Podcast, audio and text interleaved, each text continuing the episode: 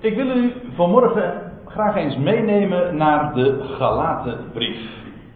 Naar hoofdstuk 1 en 2 van die brief die Paulus schreef aan geloofsgemeenschappen in Galatië en het huidige Turkije. En ik zal u even vertellen in het kort over wat de aanleiding is van deze Bijbelstudie, want dat is het toch wel. Ik had een aantal dagen geleden een, een artikel op mijn website geplaatst over een vraag die op mij af was gekomen en een vraag die al veel Bijbellezers hebben gehad. En hoe zit dat nu met die woorden die we in de Jacobusbrief vinden, dat een, waarin hij zegt dat een mens niet gerechtvaardigd wordt alleen door geloof, maar ook door werken.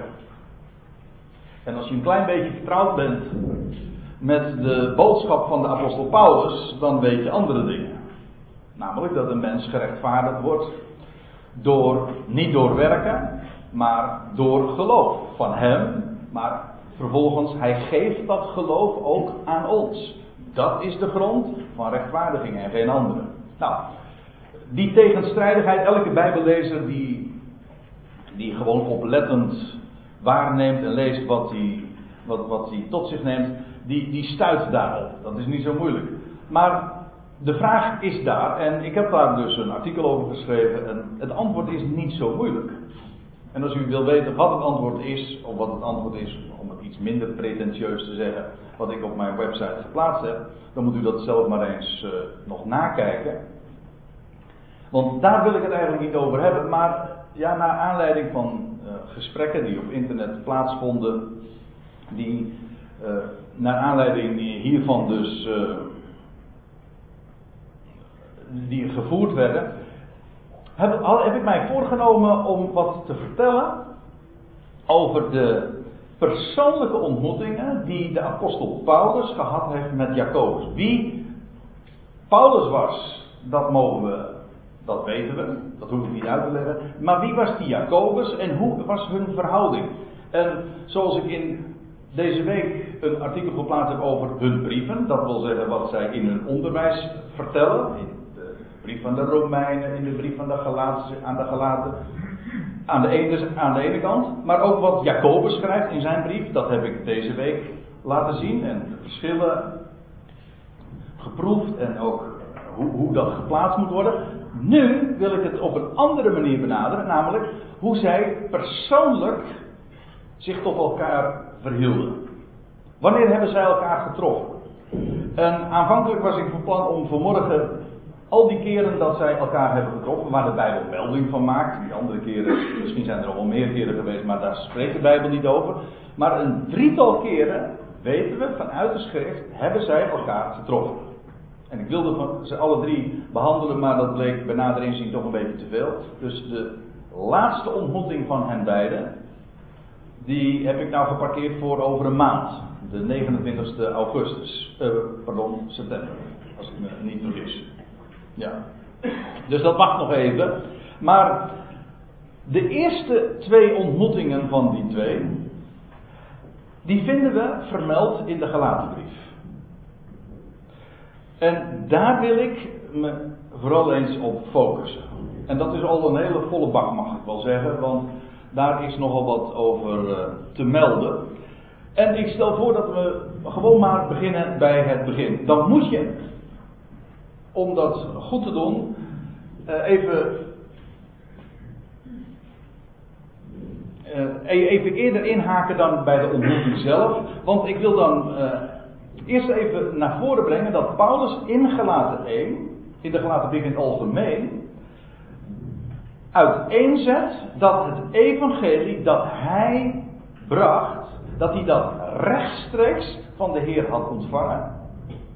En niet van mensen. En ook niet geleerd of onderwezen is door andere mensen. Ook niet door de andere apostelen. Ik zal u, om dat te laten zien, eerst even meenemen naar het elde vers van hoofdstuk 1. Dan zegt Paulus dit. Want, zegt hij, ik maak u bekend, broeders, dat het evangelie, wat een gewoon Grieks woord is trouwens, eh, over twee weken hebben we hier uh, natuurlijk, een studiedag. En het onderwerp voor die studiedag is het evangelie en evangeliseren. Dat belooft een hele boeiende studie daarvoor. Dat kan ik u nu al vertellen. Eén ding moeten we bij deze alvast even vaststellen. Evangelisch is een gewoon Grieks woord en dat betekent een goed bericht.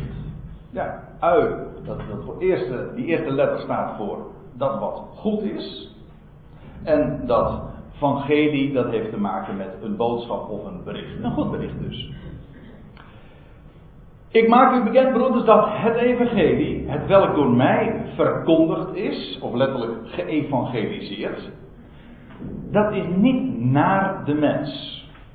Een mens bedenkt dat niet. Het is niet menselijk. Nee, wij bedoelen dat heel vaak uh, juist als een aanbeveling. Als je, zegt, als je, zegt, dat iets menselijk is, dan is dat heel goed. iemand die heel menselijk is, dat is heel goed. Maar Paulus bedoelt hier juist mee te zeggen: van het is niet menselijk. Nee, het is niet naar de mens. Ik heb het, het, de oorsprong ligt ook niet bij de mens. Het is niet ontsproten aan het brein van een mens of aan naar, naar inzichten die een mens zelf ontwikkelt. Nee, het is niet naar de mens. En zegt hij, uh, hoezo niet naar de mens? Hij legt het uit. Want ik heb het ook niet van een mens ontvangen of geleerd. Maar door openbaring, door een apocalyps, een onthulling van Jezus Christus. Niet hier op aarde trouwens, maar vanuit de. Niet van een mens heeft hij het ontvangen en evenmin is hij daardoor onderwezen. Zijn roeping ontleent hij rechtstreeks aan Jezus Christus, die het hem gegeven heeft. Hij heeft het van hem ontvangen, maar hij is bovendien vervolgens ook daarin geleerd. Dat wil zeggen onderwezen. Verteld hoe het precies zit. Niet bij één gelegenheid, bij meerdere gelegenheden. Nou, nou sla ik een paar versen over, dat moet ik wel vaker doen, want anders wordt het echt te veel. Paulus heeft in de tussenliggende versen nog verteld wie hij was. Hoe hij in het Jodendom het uitermate ver gebracht had.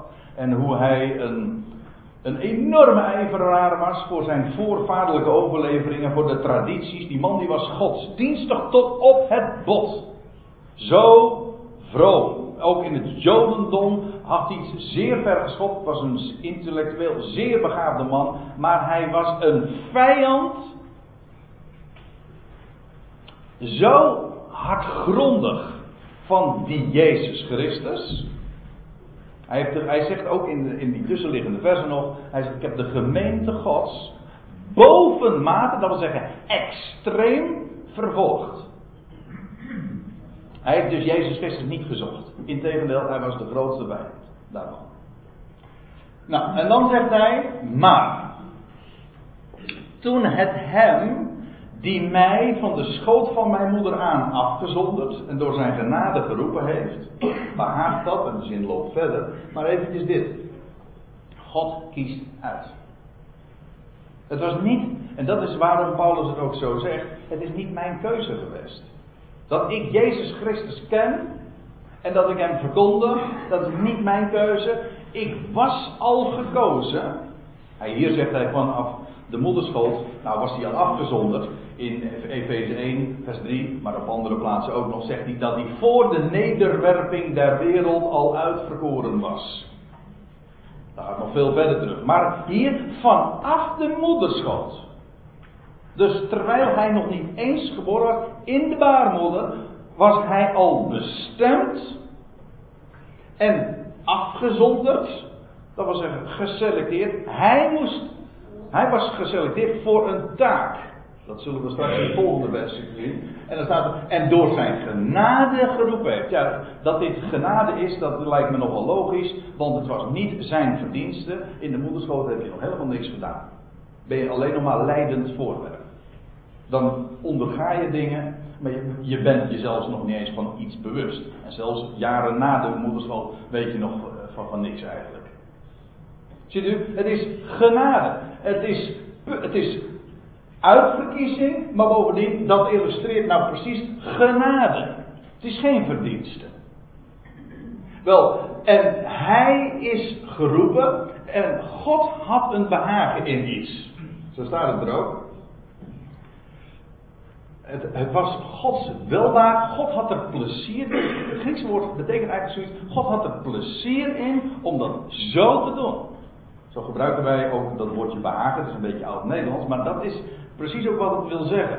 God had er plezier in om juist zijn genade aan hem te, te demonstreren. En dan vervolgens. Wat had God behaagd? Wel, zijn zoon in mij te openbaren. Aan hem te openbaren, maar ook in hem. En vervolgens ook door hem. Maar hier staat, het begint met in mij te openbaren. Opdat ik hem onder de heidenen, of letterlijk onder de natieën, zou verkondigen. Of hier ook weer dat woordje evangeliseren. Meer daarover dus over twee weken. Dat was de bestemming die God voor hem had weggelegd. Voordat hij ook maar iets gedaan had, iets gekozen had, iets geleerd had, dat zou God in en door hem bewerken. Hij zou de natieën gaan evangeliseren, een goed bericht vertellen. Nou, toen dat gebeurde, dan lees je vervolgens, toen ben ik geen ogenblik. En toen hij ziel dood. Maar dat. Nou.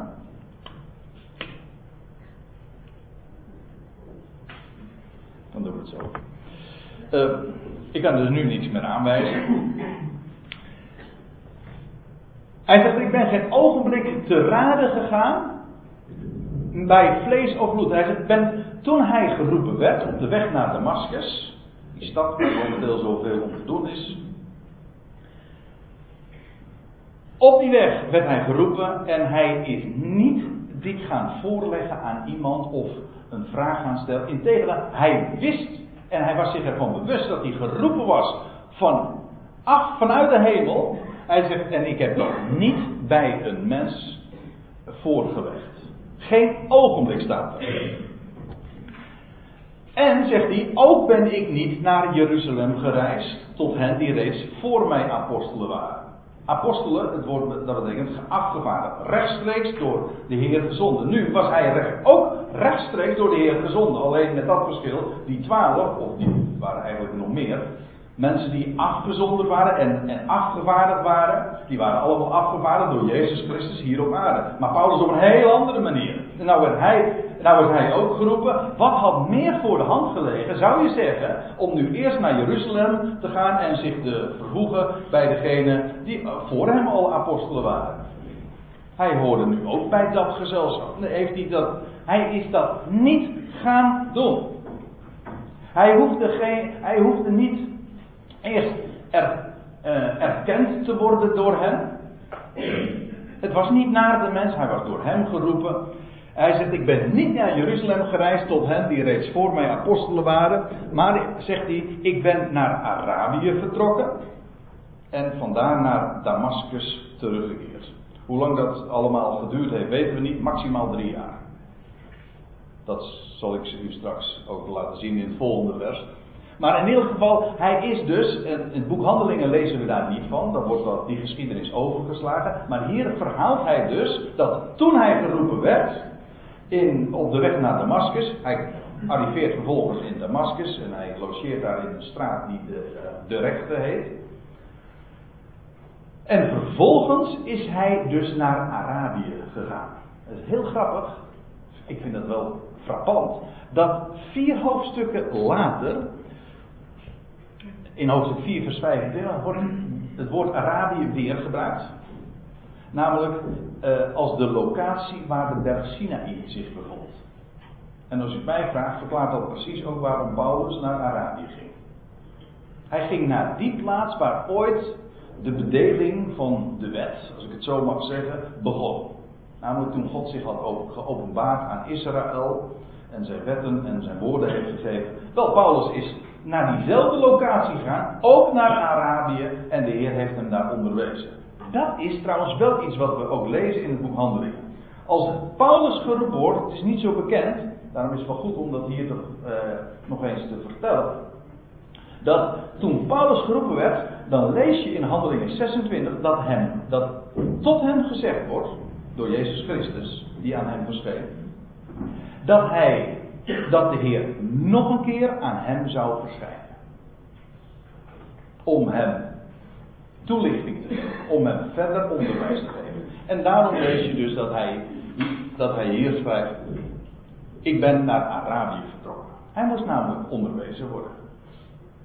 En dat, dat dat inderdaad een paar jaar geduurd heeft, dat laat zich ook raden. Want Paulus, alles wat hij wist, moest weer helemaal gereframed worden. In een totaal ander kader geplaatst worden. Hele, alles wat hij wist vanuit de Tenach, het Oude Testament, dat moest in een heel nieuw licht geplaatst worden. En Jezus Christus heeft dat persoonlijk aan hem gedaan en, en toegelicht. Hij is naar uh, Arabië vertrokken en vandaar is hij weer naar Damascus teruggekeerd. En dan zegt hij, ja het is een lange aanloop, maar dit moet ik even vertellen. Daarna ging, daarop ging ik drie jaar later naar Jeruzalem. Dus eindelijk moest het er toch van komen. Maar niet om erkenning of zo van de apostelen te ontvangen. Want wat hij juist benadrukt is dat hij zegt: Ik ging drie jaar later naar Jeruzalem. En dan staat erbij om Kefas te bezoeken. En ik bleef 15 dagen bij hem. Nou is het mooi, het woordje bezoeken, dat zou nog kunnen veronderstellen dat hij daar naartoe ging om van uh, Petrus erkenning of een verhaal te horen te krijgen. Maar weet u dat het Griekse woord juist uh, een, een, tegenovergestelde richting uh, veronderstelt? Het Griekse woord is, is ons woord historie. Zijn eigenlijk zijn verhaal. Dus? Ja, dat is de Engelse weergave, maar ons woord uh, story. Uh, dat, dat, is, dat komt van storia, storio, storia. En dat heeft te maken met een, met een verhaal. Het gaat er, in de Concordant Version wordt weergegeven, to relate my story. Dat wil zeggen, om, om mijn verhaal te vertellen. Dus niet een bezoek aan Jeruzalem en 15 dagen bij Kefas, dat wil zeggen Petrus. Om door Petrus onderwezen te worden. Nee, Paulus is bij Kefas geweest om zijn verhaal aan hem te vertellen. En dat heeft hij dan ook gedurende 15 dagen gedaan. En dan staat er in vers 19, en nu komen we bij het echte onderwerp van vandaag, maar deze inleiding was nodig. En zegt hij: Ik zag geen ander van de apostelen dan Jacobus, de broeder des Heren. Nou, daar moet ik even een paar dingen over zeggen. In de eerste plaats, Paulus zegt hier niet eens dat hij Jacobus gesproken heeft. Hij gebruikt hier het woordje zien, of eigenlijk letterlijk waarnemen. Hij, hij zegt, ik heb Kefas mijn verhaal verteld. Drie jaar pas nadat ik geroepen werd. En hij zegt, ik, de enige van de apostelen, want Jacobus wordt hier toch tot de apostelen gerekend. Moet, ook dat moet ik even toelichten. Maar hij zegt, die heb ik alleen gezien. Waargenomen. Van, ja, dit is dus een ontmoeting. Ik reken hem dus al mee met een ontmoeting. De eerste. Maar het is wel heel sumier. Hij heeft hem al, er staat, hem gezien. Getroffen. Misschien gedag gezegd, uh, that's it. Meer niet. Even nu inzoomen op die figuur Jacobus. Wie was dat? Het woord, de naam Jacobus, dat is de Griekse variant, of de Griekse versie van, uiteraard, de Hebreeuwse, naam Jacob. Nou is het zo dat we in het Nieuwe Testament nogal wat Jacobussen aantreffen. We hebben in de, in de kring van de twaalf discipelen, hebben we maar liefst twee Jacobussen. Namelijk Jacobus, dat was de broeder van. Zo wordt hij trouwens ook genoemd, om ze juist te onderscheiden. Jacobus, de broer van, uh, van Johannes, ja. Dat waren de zonen van Zebedeus. Ook wel genoemd door Jezus zelf. Boanerges, zonen van de donder. Ja, ze hebben de, uh, Johannes heeft de reputatie de apostel der liefde te zijn, maar de Heer noemt hem zoon van de donder. Nou, dat ligt er om de donder niet doen. maar hij, uh, dat is die ene Jacobus. die wordt heel dikwijls ook uh, apart genomen. Als we, als we lezen over een drietal in de evangelie uit de twaalf, dan zijn bijvoorbeeld bij de verheerlijking op de berg, dan wordt, dan wordt er gesproken over Johannes en Jacobus en Petrus. Nou, dat was die Jacobus. Maar onderscheid nu even goed. Daar had je ook nog onder de twaalf een andere Jacobus, de zoon van Alfeus. Dat is dus nog een Jacobus. Dat praten we alleen even over de twaalf discipelen. Deze Jacobus is weer een ander. Later wordt hij ook dus tot een apostelen gerekend, een afgevaardigde. Maar dat is toch wel een apart verhaal. Waarom? Hij wordt hier genoemd de broeder des Heren. Dus niet de broer van Johannes, ook niet de zoon van Alveus. Nee, het is de broer, de broeder of de broer van de Heer. Oh, pak ik hem weer.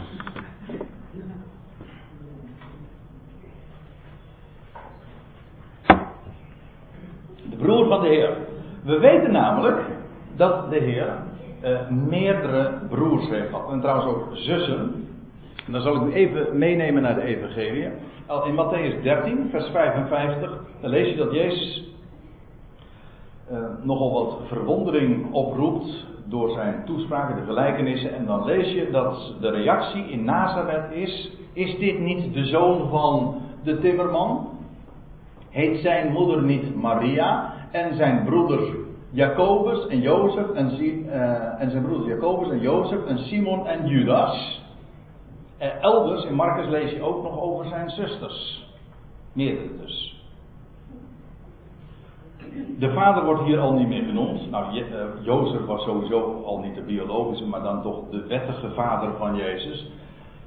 Maar kennelijk was die al overleden. Maar in elk geval, hier wordt al gesproken over een broer van Jezus. Dat is feitelijk dus een halfbroer, want ze hadden dezelfde moeder. Uh, Jacobus. Ja, dit in tegenspraak met dat wat de Rooms-Katholieke Kerk daarover leert, want die ontkent dit. Wat hier staat. Die zeggen dat Maria haar le hele leven maagd is gebleven en uh, geen uh, kinderen heeft gehad. Ze spreken dan ook onterecht over de maagdelijke geboorte. Dat is niet waar een heel raar woord, maar Jezus is geboren uit de maagd, dat is waar. Maar Maria heeft daarna vervolgens gewoon kinderen gekregen. Maar liefst vier zonen en in ieder geval minstens twee dochters ook nog. Daarnaast nog. We lezen ook nog in 1 Korinthe 9 dan zegt Paulus dit: hebben wij geen bevoegdheid om een zuster als vrouw mee te nemen, gelijk ook de andere apostelen en de broeders des Heren en Kefas. Dus hier lezen we al dat er meerdere broers waren die ook inmiddels uh, dienst deden en het evangelie brachten. En dat mag opmerkelijk heten. Waarom? We weten namelijk in de evangelie dat de broers van Jezus niet in hem geloven. We lezen in Johannes 7 dit. Je zou het hele verband erbij moeten betrekken. Doe ik nu niet. Maar dan staat er. Want zelfs zijn broers, dat wil zeggen de broers van Jezus. De broers, het wordt gewoon in het algemeen genoemd. Er wordt geen uitzondering vermeld. Want zelfs zijn broers geloofden niet in hem. Hé, hey, dat is eigenaardig. Dus zulke dingen lees je ook al elders in de evangelie, dat hij juist in zijn vaderstad, maar zelfs dus in zijn eigen familie, in het gezin waaruit hij voortkwam, alleen maar, behalve trouwens Maria, zijn moeder, maar voor de rest alleen maar op ontkenning en, en tegenstand stuit. Hier lees je dat dus. De broers geloofden niet in hem. Niettemin lezen we dus later dat de broeders des Heren, in ieder geval twee,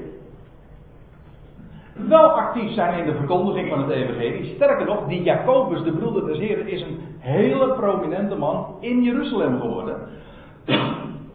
onder, de, onder de vele gelovigen, de tienduizenden, vergis u niet, onder de tienduizenden gelovige Joden die daar in en om Jeruzalem woonden. Over een maand gaan we daarover hebben, handelingen 21. Jacobus was een zeer prominent man, ook in de ongewijde geschiedenis en zij bekend. Deze broeder des Heren. wat er gebeurd is, van waar die omkeer, we weten het niet met zekerheid. Eén ding weten we wel, en dat is dit wat Paulus schrijft in 1 Corinthië 15. En dan gaat het over het feit dat de Heer Jezus is opgestaan en dat hij aan velen verschenen is. En dan lees je in het voorgaande vers nog dat hij verschenen is bij een gelegenheid aan 500 broeders tegelijk. En dan staat er vervolgens, uh, is hij verschenen aan Jacobus en daarna aan al de apostelen. Nou, een hele reeks van uh, verschijningen worden hier verhaald. Maar deze naam moet in in het verband nu waar we het vanmorgen over hebben opvallen. hey, de Heer is verschenen aan Jacobus. En alles wijst er inderdaad op dat het hier gaat over de broeder des Heren. Hij is verschenen aan Jacobus. Is dat misschien wellicht de omkeer geweest in, in het leven van die Jacobus? Hij was een ongelovige gedurende de tijd dat de Heer hier op aarde verbleef. Zijn broers geloofden niet in hem. Hij is vervolgens een prominente man onder de apostelen geworden. Iemand die actief was in Jeruzalem. Zijn hele naam, Jacobus, is al zoveel zeggen. Jacob, is, hij staat voor Israël. Voor de twaalf stammen. Hij schrijft ook een brief. Jacobus 1, vers 1, dat is dezezelfde broeder des Heren. Hij schrijft een brief aan de twaalf stammen in de verstrooiing. En de meeste mensen verdwalen meteen al bij het eerste vers van, van die brief. Want als je dat niet in de gaten hebt aan wie hij zich adresseert, of aan wie hij zijn brief adresseert, dan begrijp je het brief al niet meer. Als je niet weet aan voor wie het bestemd is, ja, dan kun je zomaar dingen tot je nemen of op jezelf toepassen die niet over jou gaan. Zie daar het probleem in, uh, in een notendop met de Jacobusbrief. Hoe zit dat nou met die dingen die je in de Jacobusbrief vindt? Lees eerst even aan wie het bestemd is. Dat werpt zo enorm veel licht op dat wat er staat geschreven. Staat er gewoon bij. Zijn brief is geschreven aan de twaalf stammen. Jacob is zijn naam, of op zijn Grieks gezegd Jacobus. In elk geval, hij is één onder de apostelen geworden. En hij is, eh, de Heer is ook persoonlijk aan hem verschenen. En als u het mij vraagt, is dat ook de gelegenheid geweest waarin de ommekeer heeft plaatsgevonden. Om zo te zeggen, toen is Jacob Israël geworden. Goed. Dat is de eerste ontmoeting. Paulus is geroepen, drie jaar later gaat hij naar Jeruzalem toe, vertelt zijn verhaal aan Jacob, eh, pardon, aan Petrus, Kefas, en gedurende zijn verblijf daar heeft hij alleen een korte ontmoeting. Hij ziet of hij neemt alleen maar waar Jacobus, meer niet. Dat is de eerste ontmoeting. Nou, dat is wel heel sumier, hè? Maar we rekenen toch even mee omdat ze elkaar hebben getroffen. Dat is wat we in Gelaten 1 lezen. Dan gaan we naar Gelaten 2. De tweede ontmoeting. Daar staat dit. Daarna ging ik, na verloop van 14 jaar, opnieuw weder naar Jeruzalem met Barnabas en nam ook Titus mee. Titus, dat wordt ook uh, toegelicht, was een Griek, geen Jood, ook niet besneden. Daar waren ze ook achter gekomen. Dat is heel grappig. Ja, misschien mag ik dat nog even vertellen. Uh, moet, daar kwam ik juist uh, vanmorgen nog even op en het was te laat om dat nog even in de PowerPoint te verwerken, maar doe ik het zomaar even. Maar als u dat in Gelaten 2 terugleest, dan lees je over die Titus, dat was een Griek dus, eh, geen Jood. En dan, ja, hij was nu niet besneden. En er staat erbij, maar zelfs Titus, die bij mij was, werd, ofschoon hij een Griek was, een Griek zijn, toch niet gedwongen zich te laten besnijden. En dan staat erbij, en dat met het oog op de binnengedrongen valse broeders, lieden die waren binnengeslopen om onze vrijheid die wij in Christus Jezus hebben te bespieden. En zo ons tot slavernij te brengen. Hoe waren ze erachter gekomen dat die man onbesneden was? ja, dat is misschien een beetje raar vraag. Dan moet je toch echt gaan bespieden. Waren ze in het toilet geweest of zo? Dat ze, dat ze hem, hem zagen? Dat, dat is het taalgebruik dat, dat eh, Paulus echt gebruikt. Hè? Hij zegt ze waren binnengeslopen. Dat is eigenlijk dus op een, op een uh, illegale wijze. Uh, geheimzinnig hebben ze gezien. Uh, die man is niet besneden. Maar goed, ze, ze durfden het toch niet aan om Paulus daarover aan te pakken. Maar in elk geval, het was wel een testcase in dit geval. Want, let trouwens eventjes op. Het is pas 14 jaar later dat Paulus naar Jeruzalem ging. Die relatie met Jeruzalem was moeizaam. Paulus wist natuurlijk dat hij een, een boodschap had die moeilijk lag in Jeruzalem. Waarom? Nou, dat is, het is niet zo moeilijk. Dat is niet zo moeilijk. Paulus werd veel later geroepen.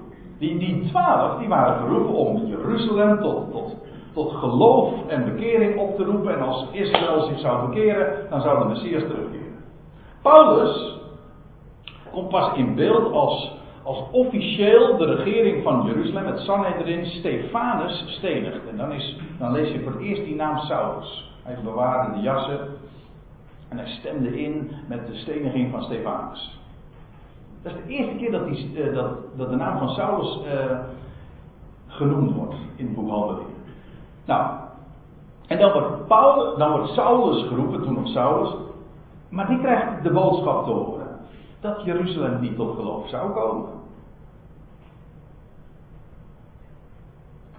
En daarom, dan, hij wordt zelfs weggezonden uit Jeruzalem. Ga naar de natie. Want Jeruzalem zal geen getuigenis aannemen. Dat wordt tegen Paulus gezegd. Ja, daarom ging hij naar de natie.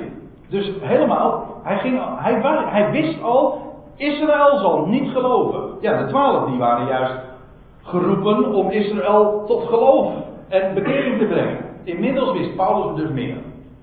Dat breed, dat matchte niet. Dat was heel moeilijk ook voor Jeruzalem te aanvaarden. Hij bracht ook een heidense boodschap. Maar nou loop ik even vooruit. Gaat, want we zullen dat nog uh, vanzelf zien. Genoeg is om, uh, om, om op te merken dat dit pas 14 jaar later is. Waarbij ik maar even helemaal in het midden laat vanaf wanneer je dan moet rekenen. Vanaf zijn roeping of vanaf zijn laatste verblijf in Jeruzalem. Daar is wat verschil van inzicht over. Maar in ieder geval, 14 jaar later pas komt hij weer in Jeruzalem. En dan staat er, ik was daar met Barnabas. Ik nam ook Titus, een niet-Jood, niet besneden, mee. En dan zegt hij, ik ging op grond van een openbaring. Dat wil zeggen, hij, werd, hij ging niet omdat hij verantwoording moest afleggen. Was niet zo van hij werd geroepen zo door Jeruzalem, het hoofdkwartier. En ga nou maar eens een keertje tekst en uitleg geven die boodschap. Want er was heel veel uh, wrijving ontstaan. Of uh, veel geruchten, een hele geruchtenstroom rondom Paulus. Want ja, hij bracht daar in de heidenwereld een boodschap van om niets. Waar, waarbij mensen helemaal geen jood hoefden te worden, zich niet naar de gebruiken hoefden te wandelen. Over een maand gaan we daar nog uitgebreid over hebben, want in Handelingen 21 wordt dat ook uitgebreid beschreven. Maar de naam Paulus lag heel moeilijk in Jeruzalem. Vanaf de aanvang. Maar Paulus gaat niet naar Jeruzalem, ook nu 14 jaar later niet, omdat hij op het matje geroepen werd, maar hij ging daar naartoe omdat de Heer hem had geopenbaard. Hij zegt, ik ging naar openbaring. En ik legde hun het evangelie voor dat ik onder de natieën verkondig. Ook hier weer dat. Ja, het herauten van het evangelie. Dat is trouwens opmerkelijk. Als hij nou. Uh, als stel je voor, wat heel vaak uh, meestal gezegd wordt. Als hij nou exact dezelfde boodschap bracht onder de natieën als wat die vader brachten in Jeruzalem. Waarom moest hij dat dan voorleggen aan? Dan was er niks voor te leggen, want dan had hij gewoon gezegd: Ik, breng ik vertel hetzelfde. Ja, toch? Hij legde hen het evangelie voor dat hij onder de natie verkondigde. Maar dat is logisch. Hoe zou Paulus onder de natie hetzelfde evangelie kunnen vertellen als de twaalf daar in Jeruzalem deden. Dat kon helemaal niet. Want die twaalf die hadden juist een boodschap die speciaal voor Israël bestemd was. Israël moest tot geloof komen. En als Israël tot geloof kwam, dan zou de Messias terugkeren in Jeruzalem en zijn koninkrijk in Jeruzalem en vanuit Jeruzalem vestigen op de wereld, in deze wereld. Dat was dus heel specifiek een boodschap voor Israël. Hoe kon Paulus dat onder de natie verkondigen?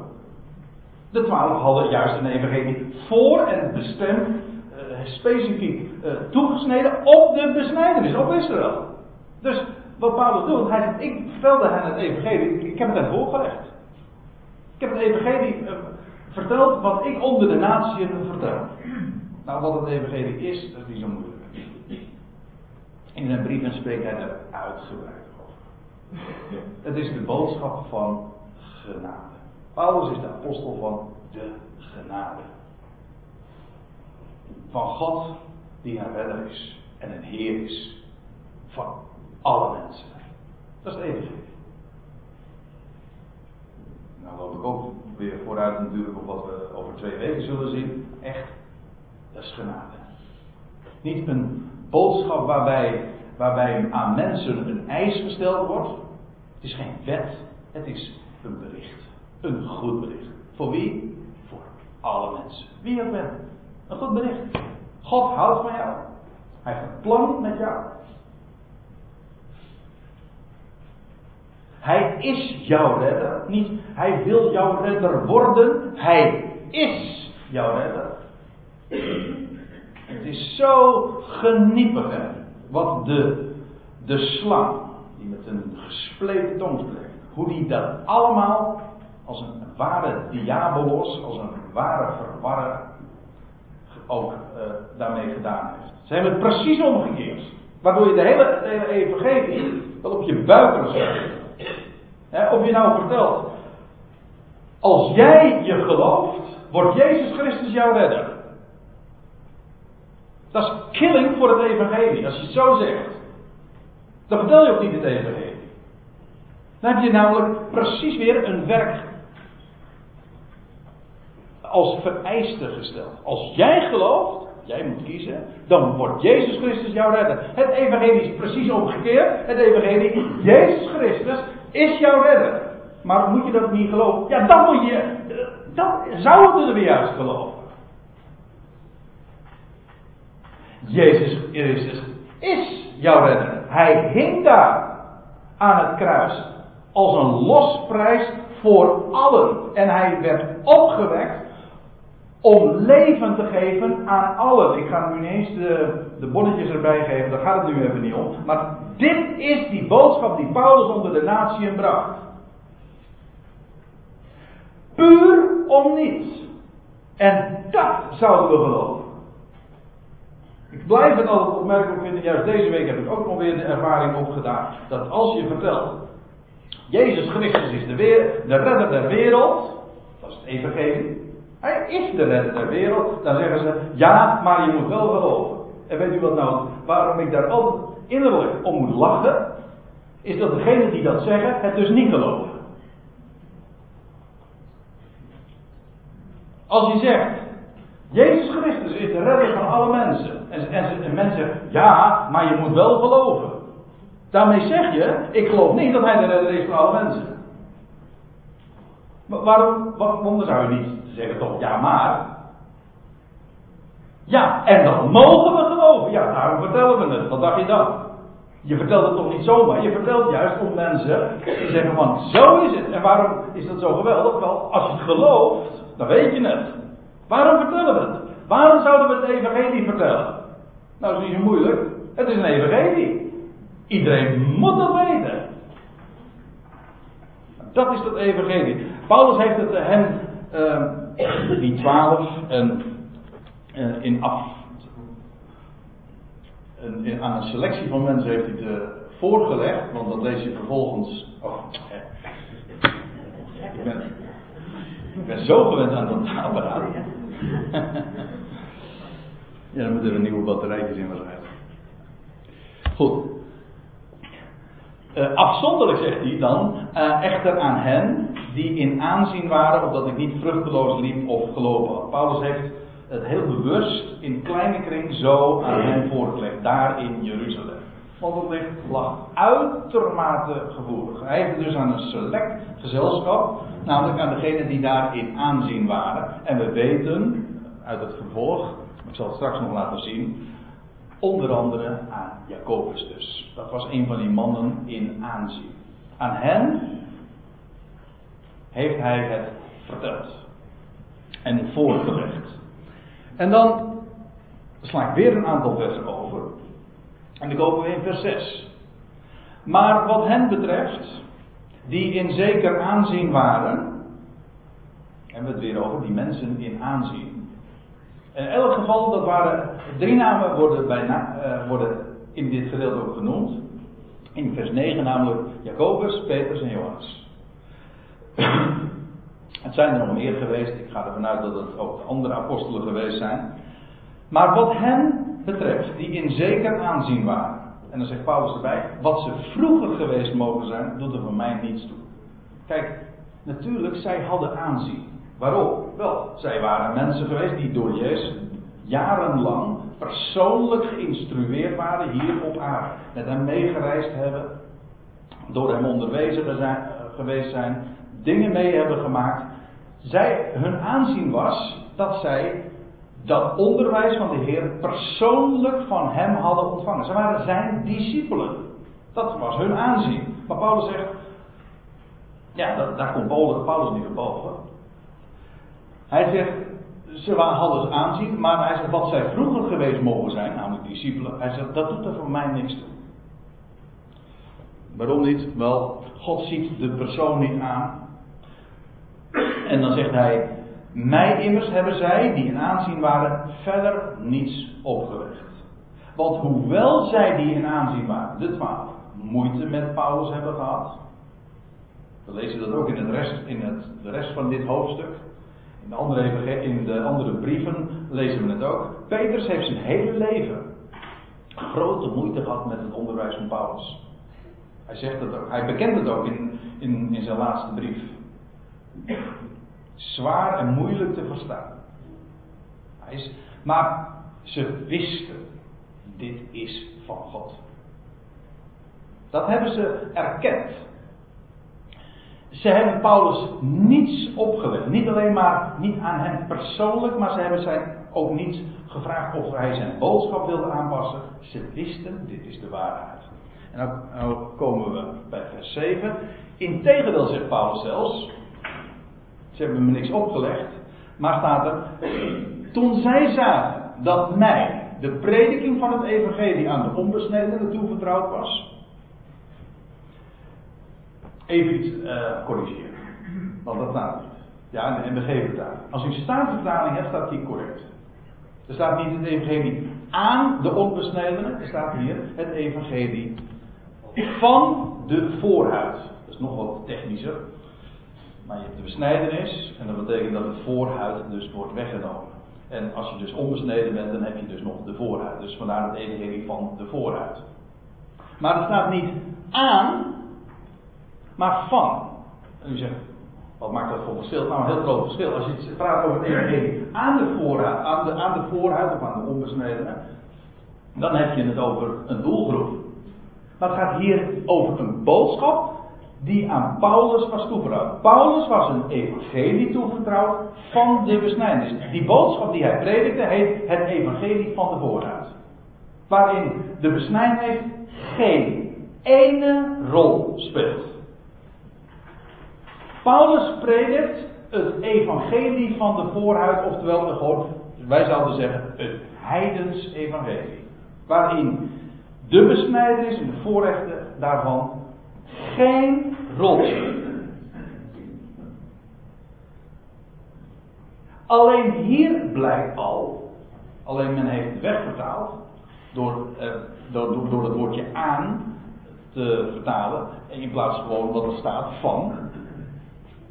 Als u, ik zei al, de Statenvertaling geeft correct weer en er zijn vele andere vertalingen die het ook correct weergeven. De moderne vertalingen meestal niet. Die maken het makkelijk zogenaamd. Ja, maar ze verdraaien daarmee wel de boel.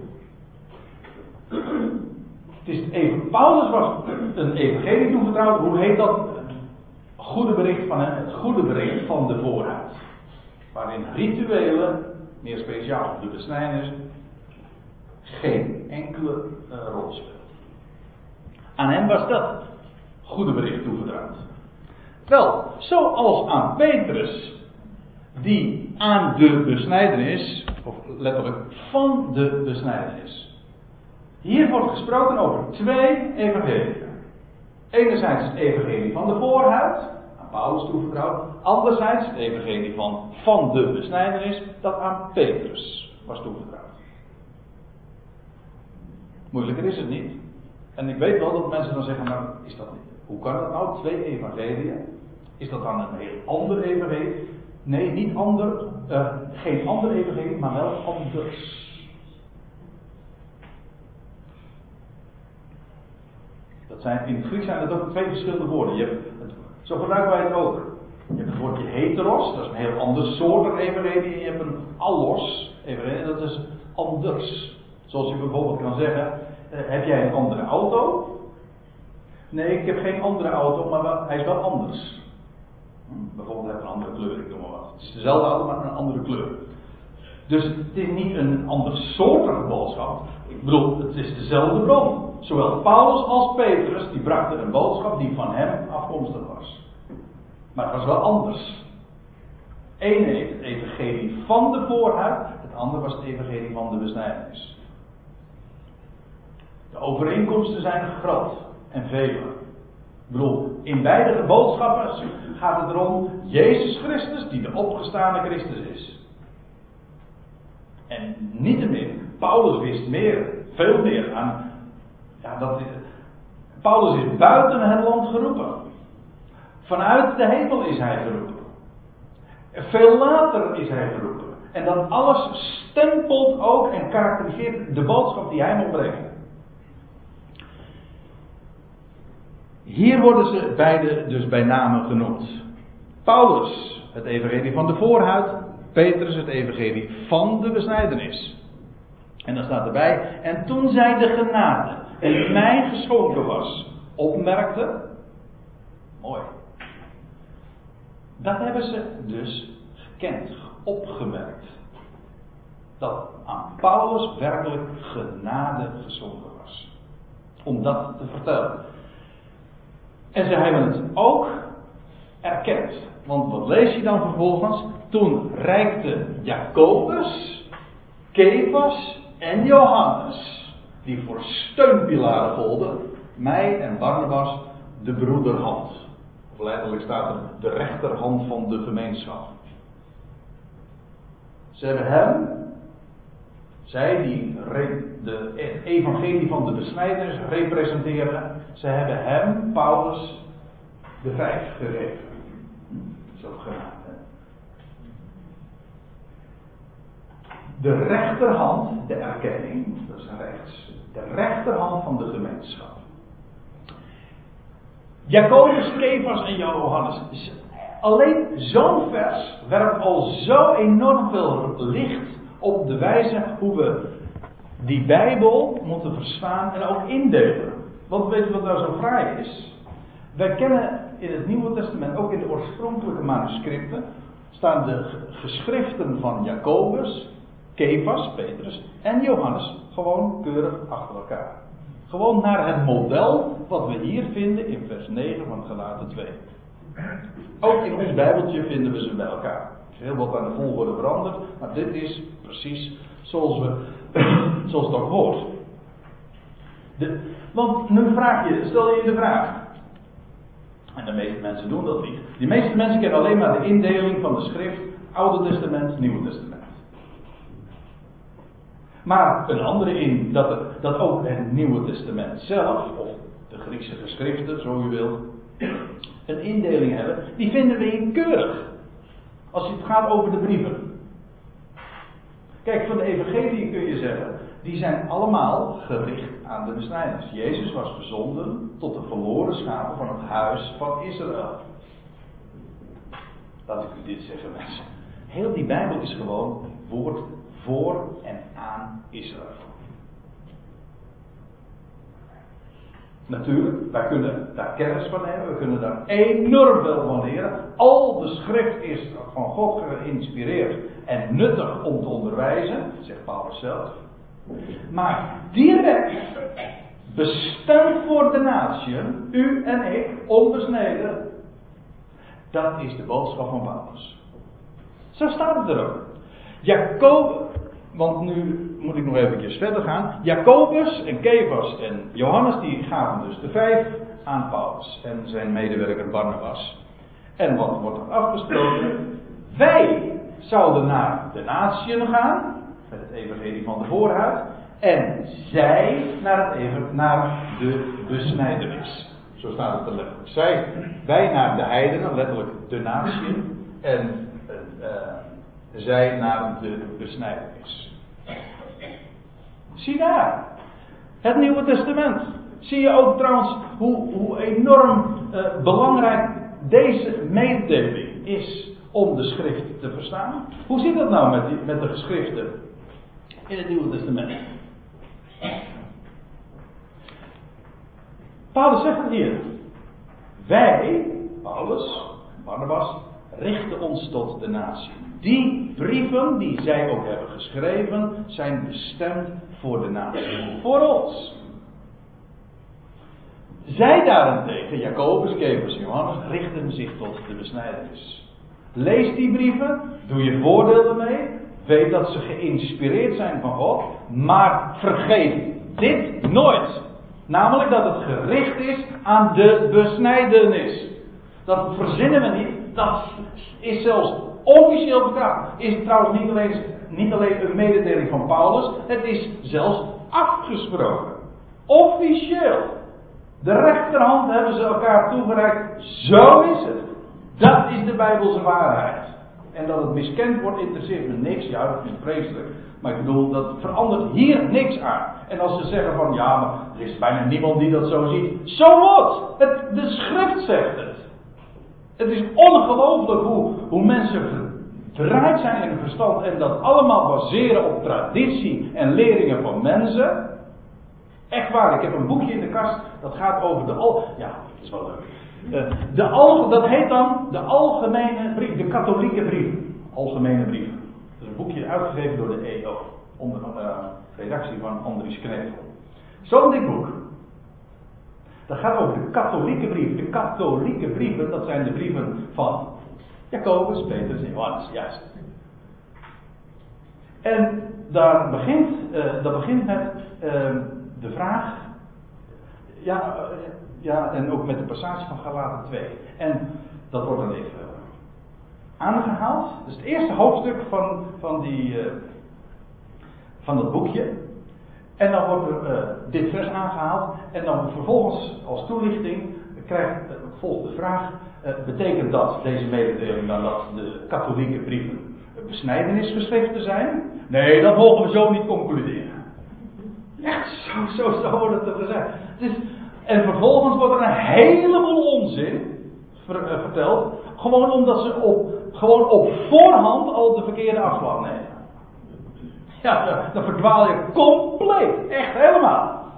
Een heel uitdrukkelijke mede. Men, alleen de naam al. De katholieke brieven. Dit zijn algemene brieven. Het zijn helemaal geen algemene brieven. Vergeet het maar. Het zijn brieven die gericht zijn aan de besnijdenis. Is dat zo moeilijk? Nee, dat is heel simpel. Het is namelijk gewoon zoals het er staat geschreven. Zij gingen naar de besnijdenis en hun brieven zijn daaraan gericht. En dat is van zo eminent belang voor het verstaan van de Bijbel. En weet u, nou, dan krijg je het verhaal. tegenwoordig hoor ik dat niet zo heel erg veel meer, maar uh, enkele decennia terug uh, gebeurde dat heel veel. Dat uh, in, door evangelisatie zo heette dat dan, commissies, werden Johannes-evangelies uh, uitgedeeld aan mensen. Niet de hele Bijbel, want dat is meteen zo heel erg veel natuurlijk, een hele bibliotheek aan mensen te geven, maar gewoon een Johannes-evangelie, want ja, dat is zo simpel, wat trouwens niet waar is. Uh, en uh, ja, dat is mooi direct voor ons. Dat is niet waar. Begrijp me goed, het Johannes-evangelie, ik heb er heel vaak over en vanuit gesproken, geweldige dingen, maar het is gericht aan de besnijdenis.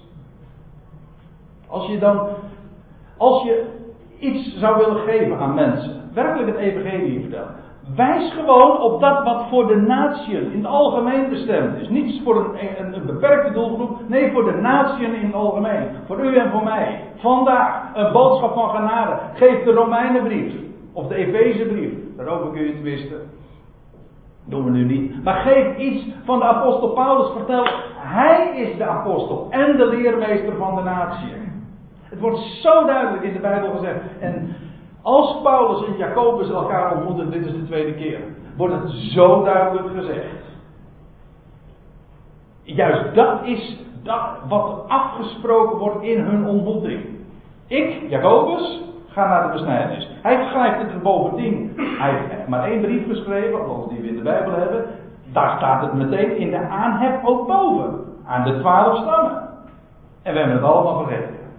En we zeggen, het doet er allemaal niet ter zake. Paulus, boodschap van genade, dat is voor ons. En dat is ook precies het vertrekpunt om de dingen van de schrift te verstaan. Om de Bijbel te verstaan, is de Bijbel ook zijn eigen uitlegger. Hermeneutiek, dat gaat dan over de, hoe moet je de Bijbel uitleggen. Nou, laat de schrift zichzelf uitleggen. Hoe moet je de brieven nu verstaan? Hoe moet je, hoe, moet je het plaatsen? Dat is niet zo moeilijk, dan moet je gewoon bij Paulus wezen. Als je onderwezen wil worden, moet je bij de leermeester zijn van de natie. En als je wil weten hoe het zit met Jacobus en Petrus en Johannes, dan moet je gewoon weten wat is het onderling afgesproken. Wat zegt de leermeester van de natie daarover? En we hoeven niks te verzinnen. Het is niet naar de mens, het is gewoon zoals staat geschreven. Moeilijker is het niet, maar ik ben er ongelooflijk blij mee. Nou, en dan over, uh, over vier weken is dat inmiddels, of vijf weken is dat gewoon. In elk geval, oh, nou heb ik weer een fout gemaakt, het is 29 september. Dan willen we dus uh, verder gaan, want u ziet het, het is inmiddels bijna half twaalf, dus we moeten het hierbij laten. Dan gaan we het hebben over Paulus' derde ontmoeting met Jacobus. Dat is trouwens meteen de laatste, in Handelingen 21. En dan zullen we zien dat Jacobus een voorman was van tienduizenden Joodse ijveraars der West. En we zullen ook zien wat Paulus' imago was daar in Jeruzalem. Waarom Paulus zoveel moeite had om naar Jeruzalem te gaan. Wordt gewoon daar duidelijk ook beschreven. Paulus kwam daar niet graag. En we zullen ook zien dan meteen waarom Paulus in de gevangenis kwam. Een gevangene voor de natie. Nou, dat alles wacht nog een aantal weken. Maar goed, een tweetal ontmoetingen hebben we vandaag toch in elk geval al gezien en besproken. Wordt vervolgd.